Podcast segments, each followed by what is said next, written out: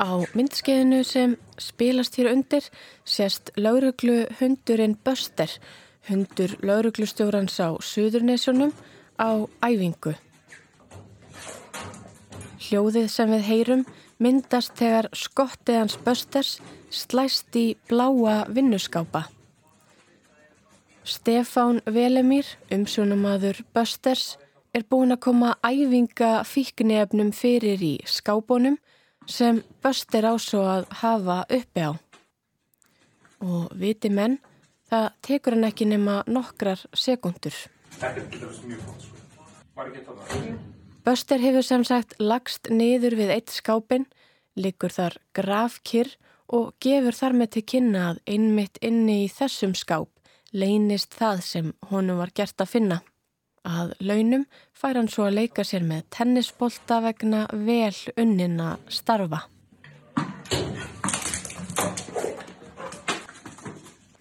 Huglegaðir.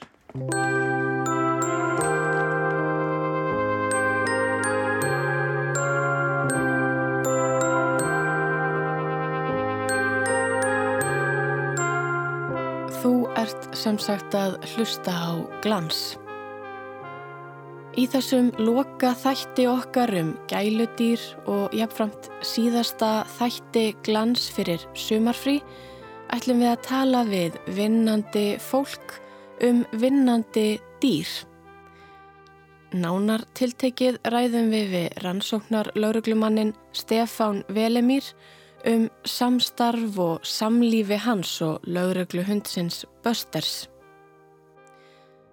Í hverju fælst starf fíknefnaleitar hunds hjá lauruglunni?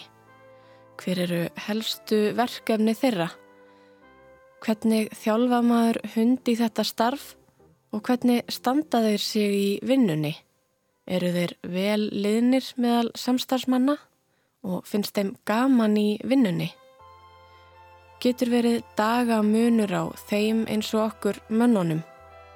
Þurfa þeir þá vinnufrið? Hvernig er samstarfi og samskiptum umsónamanns og hunds háttað? Skiptir tengingin þeirra á milli máli hvað var þar vel unnin störf?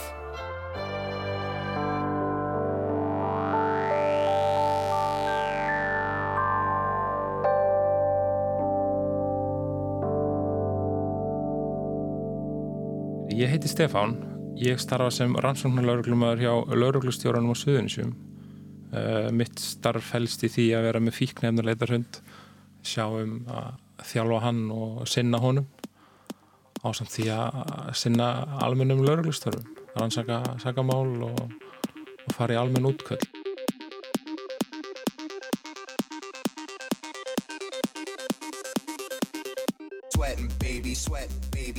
Og þegar þú segir sinnunum, er það þá bæði innan og utan vinnutíma? Já, að, hérna, hundurinn sem ég er með heitir Buster. Hann er nýjórun tveggjara, innfluttið frá Breitlandi. Alveg sér valin í þetta starf, sko. Og Buster er með, með mér bara allan sólarhengin. Hann kemur með mér í vinnuna og hann er, hann er heima hjá mér og bara alltaf með mér þegar ég fyrir svumafrí, fyrir eitthvað út á land að ferðast eða eitthvað. Hann kemur alltaf með, sko. Þannig að þetta er kannski aðeins svona óhefbundnara heldur en venjulegt uh, samstarf. Algjörlega sko, ég menna við erum bara límtir saman, sama hvað er, það er það myndast rosa skemmtileg tenging. Þetta er svona pínu öðri sig, ég ásins að annan hund sem er bara svona heimilishundur að hérna, myndast svolítið öðri sig tenging á, á millimanns þegar maður er að vinna með honum. Þú skilur hann ekki eftir þegar þú ferði í vinnuna og tekur hann með þér og erum að æfa saman og myndast mjög skemmtileg tenging á, á milli, milli okkar sko. Hvernig er sambandi á milli þeirra tveggja á heimilinu? Það er bara, bara mjög fínt. Verður hinn sem er eftir heima ekkit afbríðsamur? Jú, hann verður það sko, það fer ekkit á milli mála en, það, er, það er bara fínt samband á milli þeirra. Bara mjög skemmtilegt að sjá svona munin á hundum og hérna, tegundum og ja, mjög gaman að sjá í rauninu svona bara hundahægðum, svona hvernig hundar haga sér. Það er mjög áhugavert. Heldur að þín samskipti við hundin sem áttir fyrir hafi breyst eftir að byrja þessu ferli? Nei, við passa það alveg að ég fer ekkert alltaf með á saman skilur, stundum bara svona pínu me time sko með báðum myndunum sko, hann alltaf bestur færi því fyrir en ég fer oft með hinn bara einan, gera eitthvað skemmtilegt Verður bestir það aðbreyðsumur. alveg pokkið but mammals, so let's do it like they do on the Discovery Channel. Do it now. Og hvenar fegst þú Buster?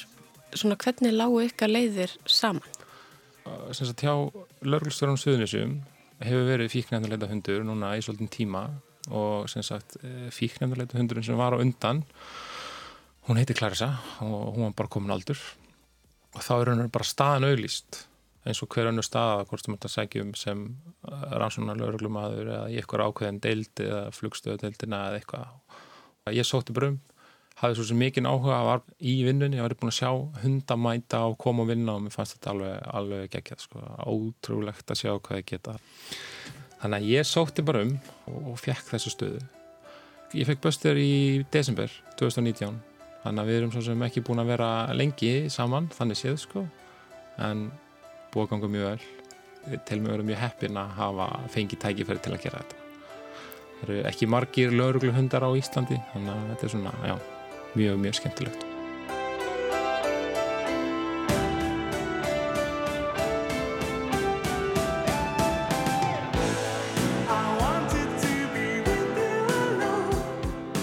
Láregluhundar komu setna til Ísland sem til nágrann okkar á Norðurlöndunum eins og heyra má á eftirfarandi broti úr morgunblæðinu frá 5. september 1937. Lögregluhundar eru óþektir hér á landi en erlendis þykja þeir nöðsynleir í hverju lögreglu liði. Á öllum Norrlöndum hefur lögreglan hunda sér til aðstóðar og þykja þeir liðtækir í bestalagi við að elda og koma upp um glæpamenn. Ég spurði Svein Sæmundsson að því í gær hvort lögreglan hér hefði aldrei hugsað um að fá sér lögregluhunda. Ó nei, ekki í alvöru, saði Svein. Ég kynnti mér meðferð lögregluhunda bæði í Oslo og Kaupmannahöfn og það liggur geysi mikið starf og vinna í því að ala upp slíka hunda. En um gagsemi þeirra í ýmsum tilfellum efast ég þó ekki, bætti Svein við. Í námsrít gerð sinni, nótkun laurugluhunda á Íslandi eða The Use of Police Dogs in Iceland, rekur Agnes Klara Ben Jónsdóttir sögu þeirra hér á landi. Þar segir að fyrsti laurugluhundur okkar Íslandinga hafi numið hér landi í april 1951 og þá komið með gullfossi frá Kaupmannahöfn. Sá hétt Sparter og var fjögur ára gamall þýskur fjárhundur. Umsónamaður hans hér á landi, Gerjón Helgason, var við þjálfun í Danmörku í hálft ár áður en hann tók við hundinum. Hann þurfti nefnilega að læra allar réttu skipanirnar og setningarnar þar sem hundurinn þekkti þá aðeins danska tungu. Sparter lærði þó fljótt á íslenskuna eftir flutningana. Það fylgir þá sögunni að laurögluhundurinn hafi staðist öll próf og hlotið fyrstu engun í mörgum fögum. Umsónamaður hans var þess þá handvissum að Sparter myndi standa sig með príði í lauröglunni. Það var svo árið 1971 sem fyrsti fíknefnahundurinn kom til landsins og þá með Þorsteini Steingrímsinni sem kom heim með hundin eftir sex mánada þjálfun hjá Bresku lauruglunni.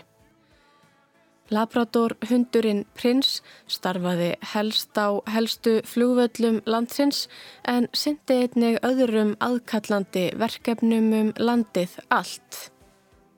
Í dag eru löggæsluhundar á landinu um tíu talsins. Lögreglan á Norðurlandi vestra sér um hundasveit lögreglunar og fer með þjálfunennar. Það eru nú lögregluhundar í öllum umdæmum nema á höfuborgarsvæðinu og á Austurlandi.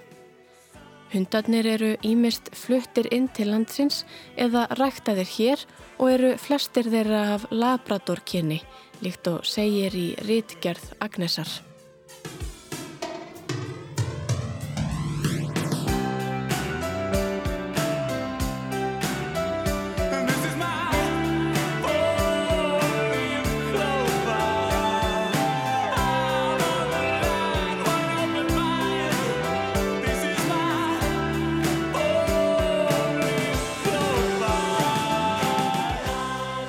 Akkur þið langaði að uh, sækja um í þessa stöðu? Já, það er bara kannski fyrst og fremst bara áhuga á, á vinnandi dýrum sko. Hann hefur alltaf verið til staðar. Svo kannski það sem fylgir fasta eftir er áhuga á þessum málaflokk. Þess að fíkni efna brotum sko. Það er mjög áhuga að vera málaflokkur í heilsinni sko og að geta verið með tæki sem að einfaldar lögreglunni í heilsinni og fleiri löggjæsla emböttum eins og tollgjæslinni og fangilismálastofnum og annað. Það einfaldar vinnuna okkar rosalega mikið. Það er með vel þjálfaðan fíknefndarleita hund. Getur flýtt fyrir í alveg, alveg svakalega miklu sko. Almennt séð hvað fælst þá í starfi hundsins? Já, sko, í starfi hundsins per se, það er bara að mæta og, og leita af fíknefnum. Böstur er endar líka þjálfari að finna peninga, sem sagt háar upphæðir af sagt, peningum. Það er að aukast núna, sem sagt, hérna á Íslandi, er fjármunabrót og þetta er eitt af því sem að liður í því að, að reyna að koma í veg fyrir það að hérna, þá eru hundandi þjálfari það að finna peninga. Það þarf að vera mikil stór líkt að myndun þannig að hann merkja á peninga þannig að þetta er ekki bara 10 skall eða 50 skall eða það þarf að vera stór upphæð. Þannig að já, best er mætir á vettfang og hann leitar brotin eru mjög misjöfn sko, það geta verið alveg frá umfærlega broti það sem er keðundir áfrum og þá kannski mm. leituðu bílans eða húsleitir eða víðavangsleitir eða skipaleitir eða flugveilaleitir þetta er þetta er ótrúlega magnað sko. Heldur að hún finnist gaman í vinnunni? Já, ánefa ánefa, ánefa finnst þetta geðvegt ég fjekk hann í raun og raun sko, það er alveg gert viljandi áður en maður byrjar á námskeiðinu þá ertu með hundin, ég var með hann alveg í rúmlega mánuð bara þannig að hann kynist mér ég kynist honum, hann svona fær öryggi byrjar að treysta mér og svo framvegs ég fann alveg mun á honum þegar við byrjuðum svo að leita, þegar hann byrjaði að vinna það var einhvern veginn allt komið hjá honum nema þessi partur, honum vant að alltaf að vinna sko. wow. þá alveg bara sjá í mun á honum hvað hann leiði vel Þannig að þú finnur bara að þetta gefur honum veljan Já, Já. bara engin spurning sko. við getum komið heim eftir hérna langa vinnudag og ég sé það bara á honum skilur, hann bara líka við brosir sko, og svo fer hann bara og, og fer að sofa sko, bara því líkt glæður sko, það er alveg mjög gaman. Ég sá um þetta, hann er með eh, sitt eigið Instagram. Já. Buster K9 Já. og hérna ég var aðeins að skoða það og maður sér það eru myndbönd af einmitt æfingum mm -hmm. nokkur og það sem að skotti er bara á mhm. fullu. Þetta er í raun og veru sko þjálfunum sem við erum með. Við erum búin bara til leik bara semst að finna fíknefni eða leikur skilur Já, í fyrir, hann, já. já. Og ef að leikurinn gengur vel að þá fær hann velun já. og þetta snýst allt um það og þetta snýst rosa mikið um að sé gaman. Þetta myndi aldrei ganga vel ef honum finnst ekki gaman. Og einn stór liður í þessu er bara sagt, að hann gerir þetta sínu frumkvæði. Ég er ekki endalist að segja honum að leita sko. það er, er stórt markmið í okkar þjálfun sem umsönum en svona hunda er að, er að hundurinn vilji fara að leita og þjálfunin snýst rosa mikið um það. Að hann fara sínu eigin frumkvæði og hann leitar sko. þannig að yfirlegt þegar þú komið inn í eitthvað hús og hann veit alltaf hvað er að fara að gerast. Það er búin að setja loggólin á hann eða sinna hann í vesti sitt eða hvað sem það er sko þá finnum maður alveg og ég er oft bara komin inn og hann byrja bara að leita. Og það er bara það sem við gerum að leifur hann bara að byrja að skoða og, og svo fer maður í svona skipulega leit Þannig að hann er alveg sjálfur með sin eigin búning. Í raun og veru sko, hann á, hann á sagt, hálsól sem er mert lauruglinni og, og svo á hann hérna svona vesti sem er, eða harnis eins og það er kallað beistli og íslensku sem er mert lauruglinni Þannig að hann er í einkennisbúning. Og er það þá sem hann veit að hann er komin í vinnuna? Já, svo magna með þessa hundar sko, hann er, hann er líka alltaf í vinnunni, þú veist, ég hef verið með hann úti að hlaupa eða úti að lappa og það er svo svakalega stert líktaskinni sko, hann dettur bara kannski líkt og þá bara Já. fer hann beinustileg þangað sko, sama í hvað ólan er eða hvað sem er sko. Og sama þó þú sért ekki í vinnunni? Já, já, já, hann veit bara að hann á að gera þetta og hún finnst þetta gaman og þá ætlar hann að gera þetta og annað sem er í þessari þjálfuna við pössum alltaf upp á það, hérna einmitt velar honum fyrir svona hegðun hann fer að sína frumkvæði þó ég sé ekki að vinna og þá er ég einmitt að passa það líka sko að vera ekki að stoppa hann nei, skilur, mann leiður þeim bara að skoða og ef það er eitthvað merkilegt þá náttúrulega bara verður það þannig og það hefur gest að hundur á frívakt ettinn og eitthvað bara líktaskinnið er svo svakalegt hjá þeim sko. Við ekki bara, finna ekki bara sterkari líktir en við, finna miklu, miklu fleiri líktir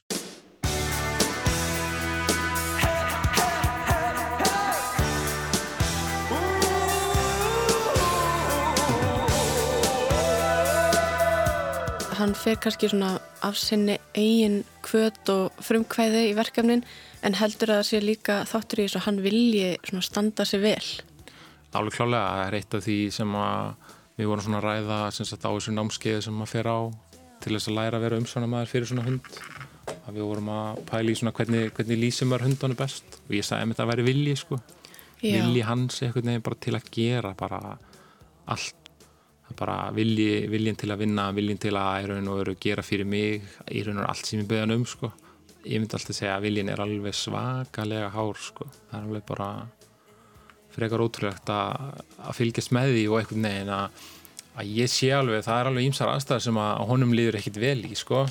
það sem hann kannski aðeins óörugur eða erfitt, þröngt rými eða skrítin Já. hljóð eða eitthvað svona að hann fer samt og leitar það skilur það er allt bara svo svakalega hátt þetta vinnu dræf, vinnu eðli í þeim er bara alveg magnað sko. ef mann er að einmitt byggja þjálfunar rétt upp og hann sé að gera þetta sínu frumkvæði og þetta sé gaman sko. þá er þetta að gera ótrúlegustu hluti sko.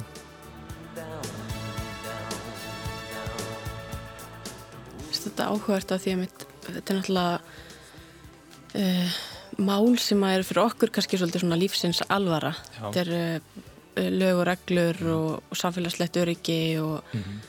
oft refsing og mikil viðlög sem geta leiði við svona brotum en til að einhvern veginn hans vinnuframla verið sem best þá talar um að, að þetta þarf að vera eins og leikur fyrir hann. Þetta er mjög áhugavert Mhm. Svona hvernig, hvernig sjónurhóðni er. Þetta er nefnilega alveg magnað sko. við getum verið mjög umfangsmiklu málum það sem er bara eins og segir kannski mikill fangelsistómur sem að kannski býður eitthvað fyrir svona alvarlegt brot sko. en þetta er bara lifur í því að, að til þess að hann standi sem best sem er náttúrulega sangjarnast fyrir alla skilur hann sé ekki að benda okkur að vitlu stað eða eitthvað svo leið sko, að, að þá er verður hann að honum að líða vel sko, og verður að vera gaman það er bara þannig sko Og hvernig uh, nær maður að gera þetta leik? Já, það er bara eðlið í hundunum. Buster er labrador, retriever eins og hann heitir og eins og nafni gefur til kynna þá er hann retriever tegund og hann finnst gaman að sækja hluti og, og hann er með svakalegt veiði eðli eins og ég segja sko og, og við notum það bara. Það er einhverju kannski þarf ekki einu sinni að búa til leik sko. Þetta er bara, við erum með velun og hann er tilbúin að gera bara hvað sem er fyrir sér velun. Og hver eru svona velunin? Ég sé svona tennisboltastundum. Já, það er ekkit eitt ákveði sko. Það er bara eitthvað svona sérstakt sem að honum finnst skemmtilegt. Það er ekki allir hundar með eins velun. Þannig að það er bara mjög samt tennisboltar hjá. Bara mjög vinsalt um allan heim sko. Mér finnst það svona spari sko. Veist, við leikum oft með dót utan vinnu en hann fær ekki sem sagt, veluna sem hann fær í vinnunni sko. Utan vinnutíma.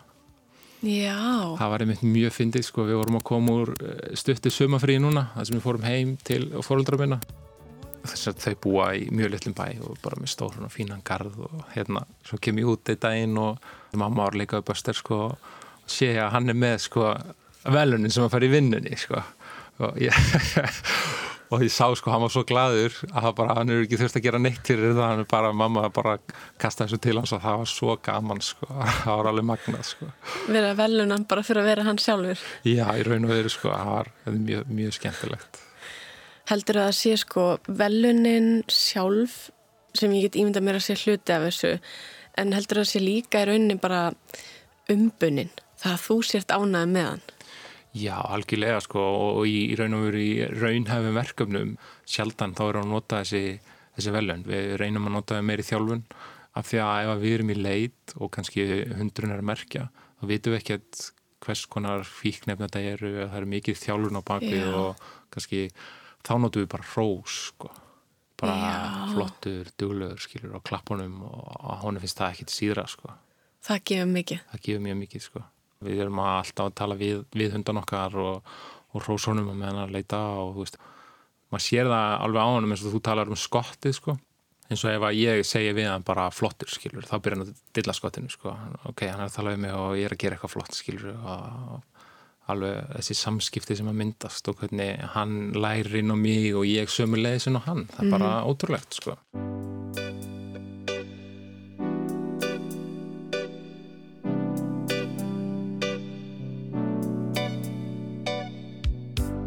Get allir hundar orðið laurugluhundar?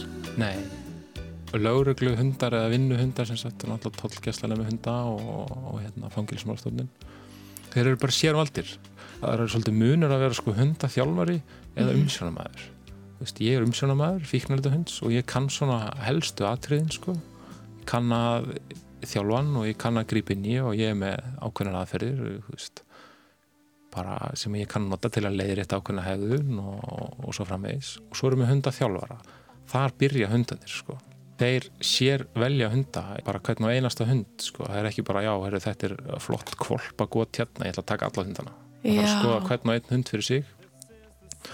Það er bara skapgeramat og, og tekin ákveðin prófa hundunum og sjá hvernig þeir bregðast við mitt eins og velunum og sumir hundar eru bara með svona herri löngun í það að gera eitthvað fyrir dót það er bara, þið líku við þú veist eins og manneskjan, það er ekki allir með sama áhugan sko á, ýmsum hlutum. Þannig að alveg frá byrjun eru hundanir sérvaldir til þess, að, til þess að vinna við þetta. Og þetta er bara gert þegar þeir eru svona bara litli kvolpar.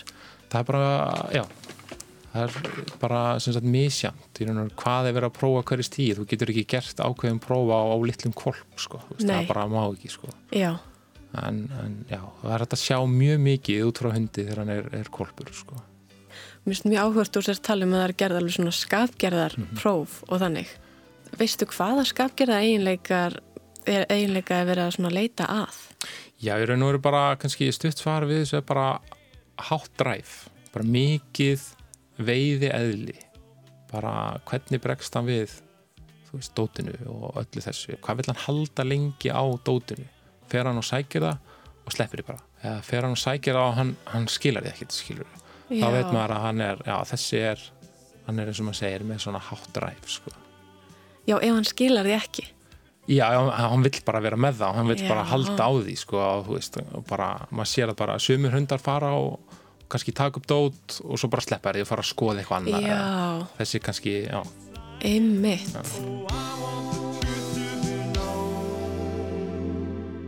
Þannig að áður en að þú fegst Buster, þá var hann búinn að vera í, í rauninni þjálfun, Mhm. bara frá því að hann var kvolpur. sko, já, Böstur eru fluttur inn frá Breitlandi og hann sem sagt kom í ágúst 2019, í fæðin desember 2019 og þá er hann búin að vera hjá hundaþjálfur mynda heima, sem, sagt, sem sjá um að þjálfa hunda fyrir lögregluna en svo sé þetta er svakalegu tími sko, sem að fer í þjálfun og það námskeið sem við förum á það er bara í raun og veru sem kent í lótum og, og sem sagt, við förum alltaf heila viku í hverju mánu förum bara og erum öll saman að æfa og bóklegt og verklegt og það er bara fór heil vika bara í leita skipulag skilur bara, veist, við erum að temja okkur ákveði leita skipulag svo við gleymum ekki einhverjum stað sem við erum að leita á sko.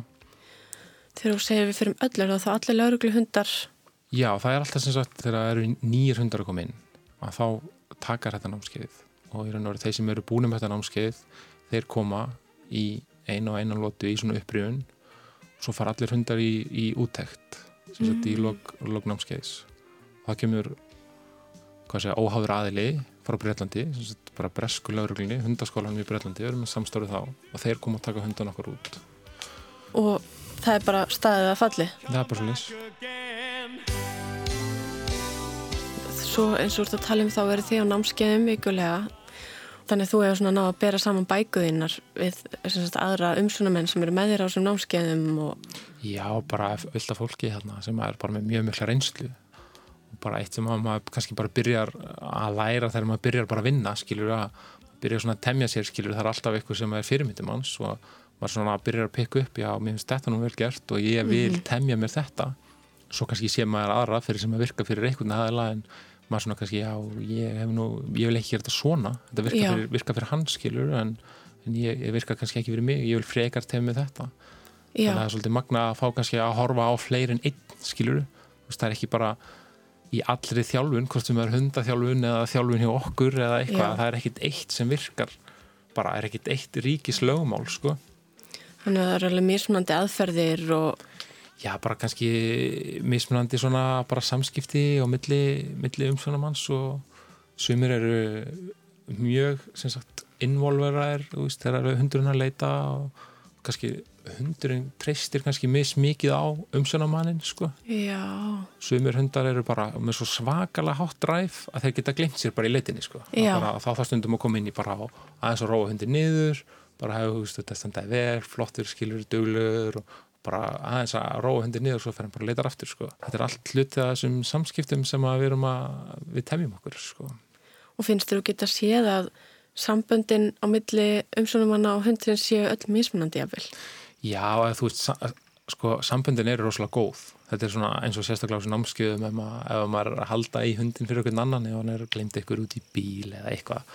Hundurinn alltaf bara að horfir á hann bara býta eftir að fara frá mér er þetta skilja mig eftir hjá þessum skilur við, hvað, hvað er í gangi hérna skilur við. Þá sér maður alltaf bara sambandi er ótrúlega gott Já. og hjá þessum hundum og þessum umsjónamönnum eru samböndin ótrúlega góð.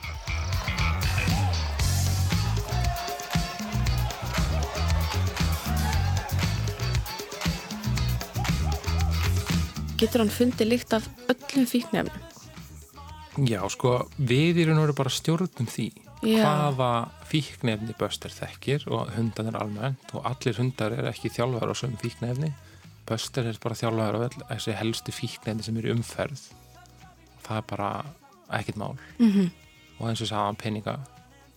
En það er, sá ég, það er hægt að þjálfa þá í að sko finna líka hluti Mm eða er, er það spór, svona eins og Já, mannaferðir eða... já, það er sko í raun og veru bara sko the sky is the limit með þessa hunda. Þetta er raun og bara hvað hva hef ég mikinn tíma til að þjálfa í sko. Verða að kynna þeim fyrir öllu. Böster getur orðið frábær sporleitahundur sko. En það er bara, þú veist, ef maður er að gera mikið þá ertu öruglega að gefa eftir á einhverjum stað sko. En, en það hefur alveg komið til tals að, sagt, hvort það væri ekki alveg raunhæft fyrir hundanæmi að vera þá með snjóflöðaleit eða eins og þess að spóraleit, skilur við. Böst er það sem við sko sérhæður hundur, hann er fíknefna leitar hundur og svo eru við með það sem er ekki til á Íslandi eins og er en að nota um allan heim, það er almennir laurugluhundar og, og það er yfir önnur tegund, það er svona þessi standard lögguhundur, þessi sjeffer sko, að þeir eru oft sem sagt valdbeitingarhundar og svo eru þeir með sko hitt líka sem sagt að leita að annarkvort á sprengjum eða fíknefnum og svo kunna reymda spóra finna hluti, sönnurangögn það er mjög algengt sko að hundarnir finni það sko Og þarna talar um að þetta er svona oftast kannski sefferhundar. Mhm. uh, þú ert með Labrador Retriever. Er þetta helst ákveðna tegundir hunda sko þetta er, þessar tegundir eru valdar bara sem sagt eh, út af eðlinu sko Mm að það eins og við notum ekkit bara labradora í, hérna í að leita sko, er líka svona springa spanjálhundar og, og þeir leita líka mjög vel sko. Já, þeir eru með sama veiði eðli í raun og veru sko. Og svo er það bara eðlið hjá er mikið notaður og svo í raun og veru eh, hérna belgiskur malinói það eru miklu vinnuhundar líka og laurugluhundar og notaður í hernum og annað sko að, já, bara henda vel þú veist, er, þeir eru rosa svona tauga sterkir sko Já. þóla erfiðar aðstæður kannski sem að Böster kannski myndi ekkit plumma sér jafnvel í sko þeir Nei. eru svona já, meira svona ákveðnir og Harðir af sér. já, harðir af sér sko ég, alveg klálega sko Já, já, en það er engin með svona Pomeranian eða Chihuahua. Nei, e ekkert svo leiði sko Ekki enn, hver ekki veit. en hver veit, maður veit aldrei hvað hva tíminn leiðir í ljós sko. Nei, nákvæmlega.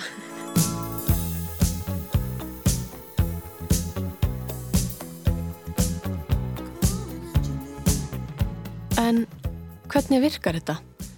Hvernig geta hundarnir ratað á lykt af eiturlifjum, sönnunagögnum, munum og öðru sem við mennirnir jafnvel nemum bara alls ekki?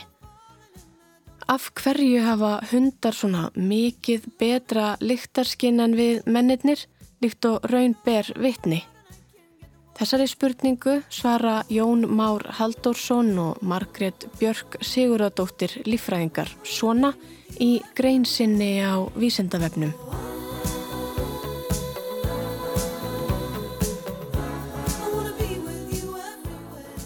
Lyktarskinnið er eitt mikilvægasta skinnfæri hunda. Viltir hundar og úlvar reyða sig á gott lyktarskinn bæði við veiðar og í félagslegum samskiptum. Hjá forverum hunda verðist því lyktarskinnið hafa þróast við aðlugun að umhverfinu og félagslegum aðstæðum. Þeir hundar sem hafa gott lyktarskinn hafa sennilega bæði staðið sér betur við veiðar og átt auðveldra með samskipti. Þessir hundar hafa því verið líkleri til að lifa af og fjölga sér og skila þessum eiginleikum áfram til afkvæma sinna. Ólíkt tegundum hundaættarinnar, Canidae, stiðjast prímatar, primates, líkt og górillur, simpansar og menn, frekar við önnur skinnfæri, svo sem sjón og heyrn.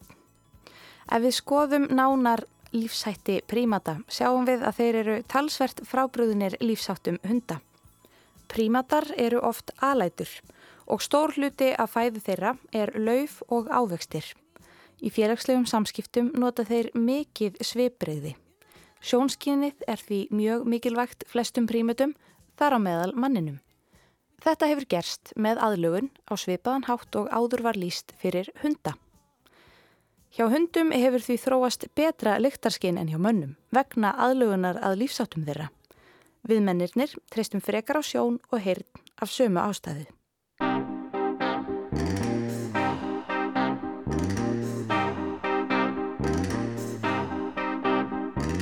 When I was young, it seemed that life was so wonderful.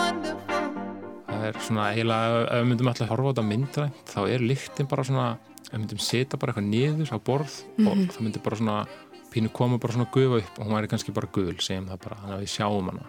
Svo ferðast þetta bara um allt. Það er allt sem skiptir máli, þú veist, hitin inn í herbygginu, hvað, hvað er opnin, er vifta inn í herbyggi, er loftrasting, læsloftið út eða þetta er bara svona mólekjúlar, bara Já. lyktar mólekjúlar og hún getur verið stór og hún getur verið lítil eins og það erum úti, hún getur komið, hún getur farið sko, hvað er vindáttin? Það er rosa mikið sem þarf að hafa í huga. Já, þannig að þú þarft þá kannski að vita hver vindáttin er í dag. algjörlega, sko, ef við erum að, við að taka útileitir, viðvangsleitir bara að leita húsað utan eða bíla eða eitthvað að- þá þurfum við alltaf að hugsa, skilur til þess að ég ætla að auðvelda hundinu mínum þessa leit, að þá hvaðan kemur vindáttin? Þá leitum við alltaf upp í vindin sko. Náttúrulega ef við erum að leita með vindinum þá eru alveg líkur á því að lykti myndi fara frá okkur sko. Já, þannig að kannski hann finnur lyktina og þá vitið að hún er að berast úr þessari átt sagt sem, Já, hann, hann eldir hana bara sko. Já.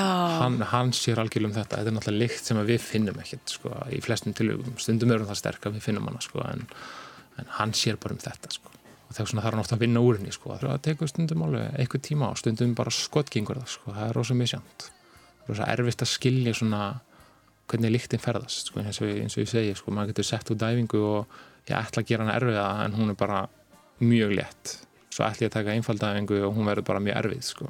það er bara því að þegar ég er að fela þá veit ég ekkert hvert að lyktin fer ef ég fela í skáp þá fyrir stundum undir skápin eða upp úr skápnum eða bara beint í hurðina skilur þannig að þetta er margt sem þarf að huga að sko.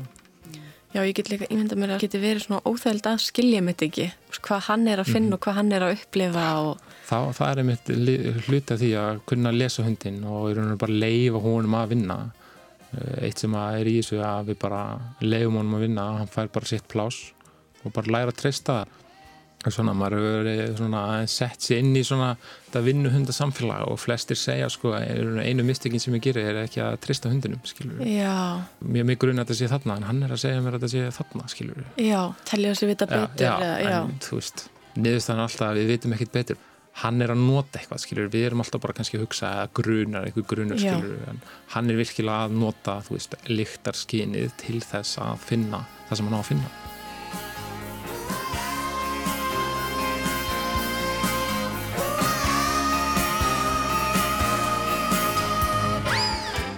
Sálfræðingurinn og fræðimadurinn Alexandra Horowitz let sér ekki næja að reyna að ímynda sér hvernig hundar upplifa heiminn, heldur ákvað hún að bókstaflega setja sig í spór hundsins síns.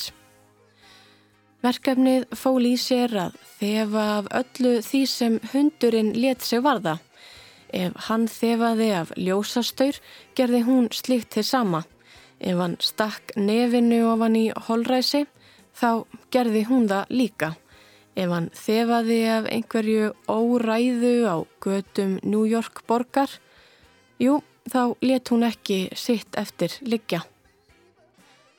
Þrátt fyrir að lyktarskinn hennar hafi orðið næmara við þessar aðfarir, segist hún þó ekki telja sig upplifa heiminn á sama hátt og hundurinn hennar líkt og vonir stóðu til. En eftir margra mánada tilraunastarsemi segir hún þetta þó hafa breytt heimsmyndennar. Nú sé lykt af heiminum. Nú finn hún og þekki lyktina af fjölskyldu sinni og vinum, lyktina af síðdeginu á skrifstofinni, lyktina af vorinu, af sleiknu, grasi og ristuðu brauði og hún njóti þess alls. Með þróaðara lyktaskinni sé heimsín hennar önnur. Fyrir áhuga sama sem vilja vita meira um þetta efni má benda á bók Alexandru að vera hundur að elda hundin í heim lyktar eða Being a Dog, Following the Dog into a World of Smell eins og hún heitir á ensku.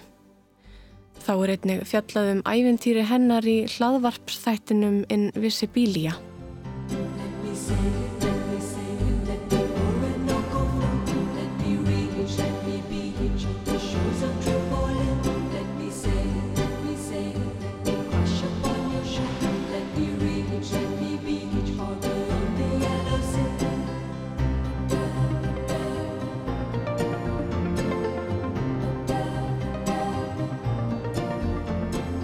Er hann tæknilega séð svona eins og úlingu núna, tekjara? Já, hann er, hann er svona eiginlega núna hann er á rosa erfiðum hérna, erfiðum aldrei sko. Hann er að- Terrible Twos. Já, hann er búin að vera að gera ímislegt sem hann á ekki verið að gera. Það er alltaf talað um sem sagt, kringum tveggjára, rétt fyrir tveggjára, um tveggjára og kemur þessi setni gelgi hjá hundum. Já. Og það er rosa misjamt. Sumir, ég get sagt eins og með hinnundun okkar, við fundum ekki fyrir því, sko. En svo var talað um alveg sérstaklega námskinu, sko, þeir geta að fara að gera bara eitthvað sem er bara óútskýranlegt, sko. Og bestur er svolítið búin að vera, vera í því, sko. Gelta á eitthvað sem hann geltir náttúrulega aldrei, sko. Hann er stundum bara geltir hann á eitthvað hluti og stundum er hann bara fórum í leit og hann, hann bara þeir taka einhverja svona ákvarðanir og hérna bara festa alveg í sig sko. það er talað um að sagt, á þessum aldri þá er þau svona þau væru út í viltri náttúru þá eru þau svona að fá ábyrðarhlutverk og þeir finna, Já. finna það svona ok, ég er að vera fullorðin og ég verða svona að fara að bera ábyrð á mér og jafnvel öðrum hundum það er svona ein kenningin með það akkur þeir fara að gera þetta þeir eru svona að prófa sig áfram sko, Já. hvað þeir eru að gera og kannski hundur sem að eins og Böster skilur sem að svarar innkalli upp á 110% skilur, hann kannski bara allt í einu gera það ekki sko. Hann veit ekki alveg Já, hvað þetta nýja hlutverk er. Já, svona skilur ekki alveg sko. hann er búin að vera að gera ótrúlega stil hluti sko. Komum daginn og vorum bara svona úti að veiðran í raun og veru sko. og kom hann til mín með, með bara döðan fugl sem hann fann. Aldrei, aldrei gert það áður skilur svona, þá svona, þá tengdi ég einmitt við þetta, þessa kenningu sko, hann er svona að sína, hérna, ég fann Já. þetta hérna sko, hérna, vilt þú þetta? Sko, hvað ég gera við þetta? Hann vissi ekki alveg sko. Bara í raun og veru því meira sem maður veit eins og ásunámski, við erum að læra. Og, og kannski myndi flestir taka í þess að gelgju svona, ó, þetta er nú leiðilegt tímabil og þetta er svona hundurinn er erfur og, og allt þetta Hann er að Já, óhlýðast. en svona þegar maður veit þá svona þetta er áhugavert nú er eitthvað skrýtnar tilfinningar hjá honum hann á bakvið skilur Já. að því ég veit og er búin að vera með hann þú veist, nógu lengi til þess að vita hann kann alveg það sem ég er að byggja hann um Já. hann er ekkit, þetta er ekkit hans hegðun þú veist, það er eitthvað hann á bakvið þetta og hann- veist, það er mikla tilfinningar í gangi hjá honum og kannski hægt einmitt að líka þessu við hormóna hjá unglingi sko, sem að sem ætlar ekkit að vera frekur eða leiðilegu skilur Nei. en, en gerir það bara að því að hann ræður ekki við það sko, í raun og veru sko. Eða skilur ekki og... já, akkurat Já, hann er ekki að reyna að vera bara Nei. óhlýðin Nei, eða... það er, ekkit, það er ekki, ekki þeir sko. þetta er bara svona tímabil og þetta líður hjá sko. að Já. bara, ég myndi frekar bara einmitt reyna að muna veist, hvað hann er að gera og hugsa svona spýta hvað akkur er að gera, já þetta er nú svolítið spes hefðun en, en samt bara svolítið áhugavert sko, af því að hann er einmitt lifandi dýr og það er, býr eitthvað hann á baki sko. Já, ég veit líka ekki mitt, er þú segir hann er á þessu, þessum úlinga árum ef að ég væri vakin upp sem táningur kannski er ég væri farin að sofa og ætti að fara að vinna, þetta er bara ég veit ekki alveg það myndi fara. Nákvæmlega en þá kemur einmitt sko að þetta að þeir eru sérvaldir og þeir eru með þessa einleika og það er í raun og veru þetta veiði eðli, þessi kvöt það tekur yfir allt þetta Já, þú veist, eins og kringum aðri hundar að tröflar hann ekkert eða hann að leita skilur Já, það ekki. eða þú veist Vá. tíkur sem er að lóða eða þú veist, það er bara hitt er herra sko, veiði, veiði eðlið og kvötin er, er herra hjá þessum hundum sko. Og bara gríðlega fókus. já, það er ástæðan fyrir valdir sko, þeir geta haldið þessum fókus í mjög erfiðum aðstæðum við erum að tala um það að kannski hundar á útiháttíðum sem er tónlist og ölfun og mikið af fólki að þeir geta haldið fókus í það að leita að þeir eru ekki að pæla í býtu hvað, hvað lætir þetta eða akkur svona margir hérna svona, þú veist, fara að skoða þessu um eða skoða umhverfið eins og hundar, hundar gera Já. bara að sínu eðli, þeir skoða umhverfið og er að, er að rannsaka og En þarf hann vinnu frið? já, hann þarf það. Það er nú kannski öruglega flett sem að þekkja að það má ekki klappa á svona vinnuhundum. Mm það er náttúrulega bara einmitt eins og segir til þess að hann hafi frið og kannski öðrulegi að við viljum ekki að, að einhver sem við þekkjum ekki er einmitt að atast í hundunum okkar sem að við erum búin að eyða öllum þessum tíma í og kannski ríkið er búin að eyða fjármagn í þennan vinnu hund sko. Og það er svona langt best að þegar hundurinn er að vinna það er bara þessi regla að það er enginn að klappunum mm -hmm. þeir eru sama hver skilur hann fær bara sinn frið. Þeir sem eru að vinna með mér þeir eru ekkert að klappa böstir þegar hann er að leita skilur Nei, en eftir leitina þá má alveg semjum það sko, það er, það er ekkert vandamál. En það er þessi vinnufrið sem við viljum sko, þannig að hann geti staðið sem best og er sem örugastur sko, það er mitt öryggi og er það sem byggist á þessi trösti millir mín og hans er að hann treystir á að hann sé örugur hjá mér og þess vegna getur hann útloka bara ótrúlega aðstæður af því að hann veit bara ég er Já. skilur, það er ekkert hann passar upp og það gerist ekkert fyrir mig, ég gerir mitt skilur og það er eitt af því sem við gerum að áður en við komum inn á vettvang eða hvað sem við erum farið að gera við byrjum alltaf að fara án hundan okkar. Við skoðum, get ég sett hundin minn inn í þessar aðstæður? Hvað erum við með hérna þú veist, erum við bara með reyna fína íbúð skilur ekkert mál með hundan að leita eða þurfa að taka hans til fyrst skilur er eitthvað sem Já. getur kannski drukkið eða nælt sér í sem er hættulegt skilur að bara komið í veg fyrir allt svona sko það er í raun og kannski stæðsti partur nokkar í vinnunni er bara að tryggja öryggi hundsinn sko veist, það hefur alveg komið fyrir að það hefur verið fólk að veitast á svona hundum eða, eða bara með það áhreinlega sko að það er svo sem bara því miður partur á starfinu sko en hundanir eru svo svakalega miklum fókus þegar þeir eru að vinna að ef eitthvað kemur upp á eitthvað ræðst af eitthvað að það getur bara haft mjög mikil áhrif hundin sko. já. Já, kannski með varanlega áhrif eða, eða svona upp á næstu verkefni. Já, það eru dæmi um það sko. Já, að það er alltaf best að koma bara í veg fyrir eitthvað svona sko. hundan er alveg að höndla það að eitthvað sé að gera kísuli og það er mjög algengt að eitthvað svona reyna að trubla á með því sko. já, það já. skiptir engum máli sko, eitthvað svona reyna að kalli það á eða eitthvað trubla á eða eitthvað Reyna, ef við að reyna sér satt stundum að, já, og bara fýblagangur í raun og veru sko, svona Já. kannski ölfun og eitthvað aðeins. Samt ekki virðing fyrir hundinum í rauninni. nei, nei, það er bara einhvern veginn kannski ekki ætla að ætlast til þess að fólk sé að taka sínar bestu ákvarðanir kannski þegar það er að skemmta sér og er í Nei. klassi og það er bara mjög skiljanlegt sko, er ekkit, ekkit óeðlilegt í það sko.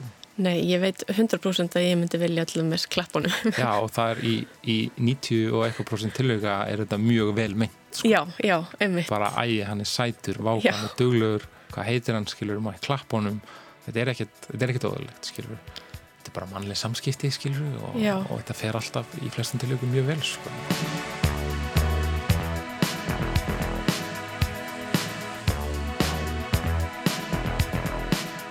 Er hann öðru sig, mjög mikið svona öðru sig utan vinnutíma? Já, þetta er náttúrulega sko mjög hátt stemdur hundur. Hann þarf alltaf að vera eitthvað að gera sko. Hann er ekki, kannski hann þarf að vera verulega þreytur til þess að fari bara og fara að leggja sig, sko ekki enn í dag, ekki alveg að ná því sko, að heima er rólegt sko. Já, já, hann er stundum á soldilli ferð heima sko. Nú- það er bara partur að því að vera svona segja, sérvalinn vinnu hundur sko, bara getur ekki ætlast til þess að já, ég vil að þú sért eh, að standa hérna og setja fulli hérna og svo fer ég með heim og þá áttu bara að vera já, bara, veist, stiltur og skilurðu. ekki fyrir og bara, veist, dæmi gengur ekki alveg upp sko. nú veit ég að þú varst í sumafríi. já Hvernig var það þá? það var bara eiginlega geggjað fyrir mig og hann sko, en Já. eins og við fórum hann út á land og hann getur bara verið úti og honum fannst það alveg geðvegt sko. það bara að fá að vera, vera hundur það er eitt í, þessu, í hérna, þessari þjálfun hjá okkur að fyrst og fremst að hundar eru hundar fyrir hverja leit að þá förum við með þá aðeins og bara leifum að vera hundur skilur Já, eftir hverja leita bara sama skilur já, hann verður að fá að vera hundur hann bara fer eitthvað og hleypur um og þefar og, og vonandi finnur hann eitthvað prik sem hann fer að leika sig með eða eitthvað skilur þú veist, að bara fá að vera hundur þannig að maður 1, 2 og 3 sko. Já. samskipt við aðra hunda, það er svo gaman fyrir þá sko. Kannski margt í þessu sem að maður mætti sjálfur taka sér til fyrirmyndar, svona að hugsa betur um sjálfan sig og þetta er nefnilega svo fyndið sko, maður er alltaf að passa, já, hann verður verið góð formu og maður ekki borða mikið og, og nei, nei, nei, nei, þetta er óholt fyrir hann og, og maður ekki drekka þetta og svo er maður sjálfur kannski ég mitt að drekka orkudrykki eða borða sigur, allt, er- allt sem er óholt sko. Maður passar upp á hann sko og já, nú, ok, nú er hann búin að vinna, hann verður nú aðeins að sósílarisa og fara og leika sér og já, hann verður nú að taka æfingu og, hann verður að fá að slappa og, og ég sa- sagði um daginn að ég held að það væri bara fínt eða það væri eitthvað svona ámanni sko, nei, nei, nei, nei, nú ert þú búin að Já. borða þetta halda manni tjekki Já, þetta er allt bara svona jafnvægi. Jafnvægi á vinnu og, og leik og bara hún líði vel sko.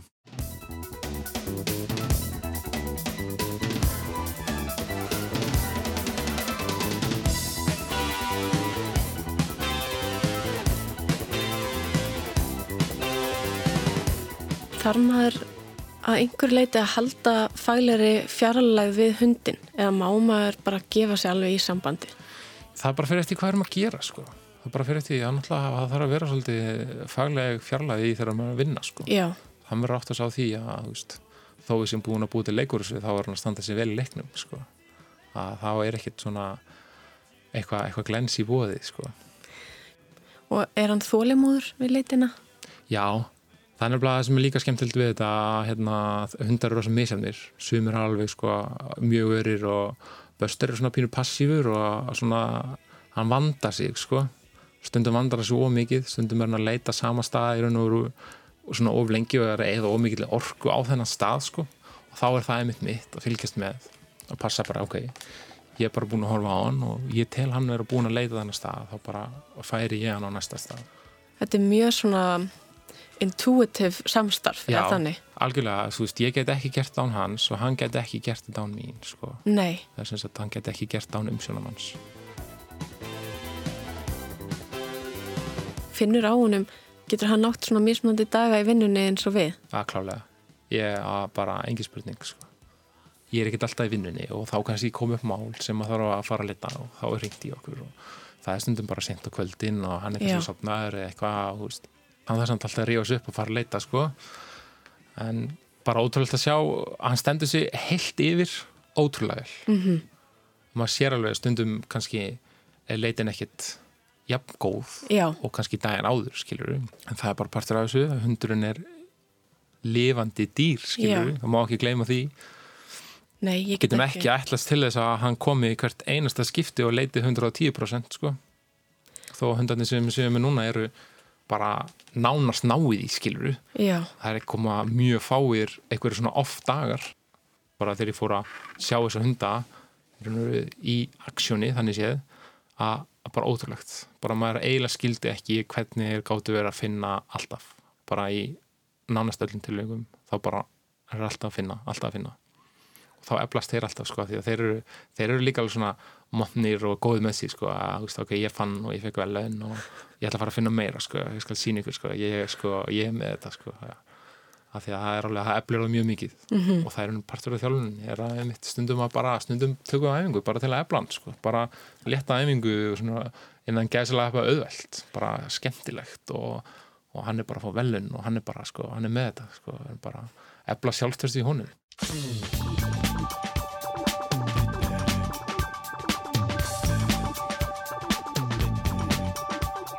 uh, hvað var það sko hunda og að vinna með hundum finnur að það hefur einhver áhrif á móralin og hvernig er Buster liðin svona af samstarfsfélagunum sínum?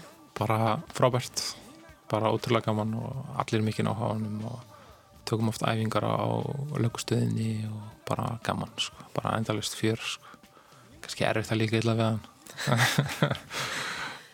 það er bara heilt yfir moralin mjög góður þannig að maður bara virða það að það er kannski einhverju sem er ónami eða eitthvað svo leiðis, þá bara virðum að það eftir bestu getu, hvort sem að það er einhver sem er að leita heima hjá eða samstarfsfélagi eða en mín reynsla er það að meira þess að þeir sem eru með ónæmi og ég vinn með, það er rosa góða mórall sko, það er bara ja, mjög jákvætt viðhorf í garð hundsinn sko, en það er kannski ekki alveg að sama segja ef maður er einmitt á einhverjum viðbyrði og það kannski er eitthvað sem, eitthvað sem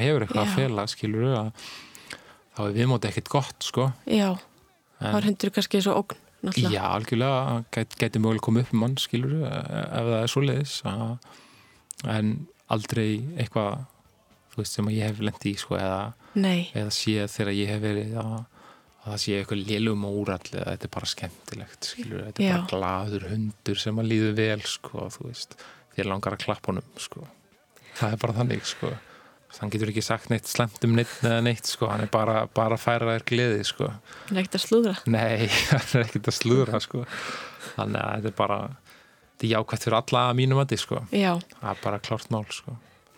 fyrir mér þá svona mann gerir það kannski laurugluna meira þegar maður sér hundana með þeim. Ég veit ekki alveg hvernig en svona, þú veist, þetta er náttúrulega vald og stundum getur það verið ógnandi en svo sér maður allt í hennu fallegan labrador og algjörlega sko, þetta er bara eitt af þessu til dæmis eins og með Instagram með hans Buster sko, maður vill kannski bara reyna að sína þeim, skilur hvað er hann að gera og, og bara svona í leiðinu svona pínu, þú veist, hvað er, hvað er í gangi skilur og þessu Facebook síðan sem að löggana með, við erum að reyna einmitt að þess að mann gera þetta sko, við erum bara manneskjur sko, veist, við erum bara í vinnunni og við allir sem að ég þekki þeir eru bara að gera alltaf sitt besta við erum fyrst og fremst í þessari vinnu til að hjálpa fólki, skilur náttúrulega long time markmið eins og með Buster og svona, veist við erum bara að reyna að hjálpa fólki sko.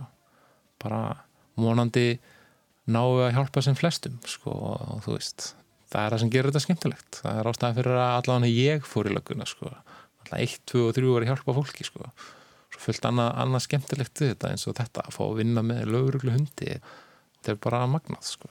myndir þú segja að sko að það þurfi eða væri ákjósanlegt að hafa fleiri hunda innan lauruglunar hér á landi. engi spurning sko. Er bara hundanir eru í raun og búnir að sanna sig sko. þetta kannski bara snýst um fjármagn Já. og það er vonandi bara framtíðin sko. vona það að svona núna það er svona uppgangur í þessu sko. hundanir eru búnir að sanna sig og vonandi verður bara ringt í það og bara horta á jákaðan hátt og það verður svona spýta aðeins í lóna sko. Já, held að það verður mjög flott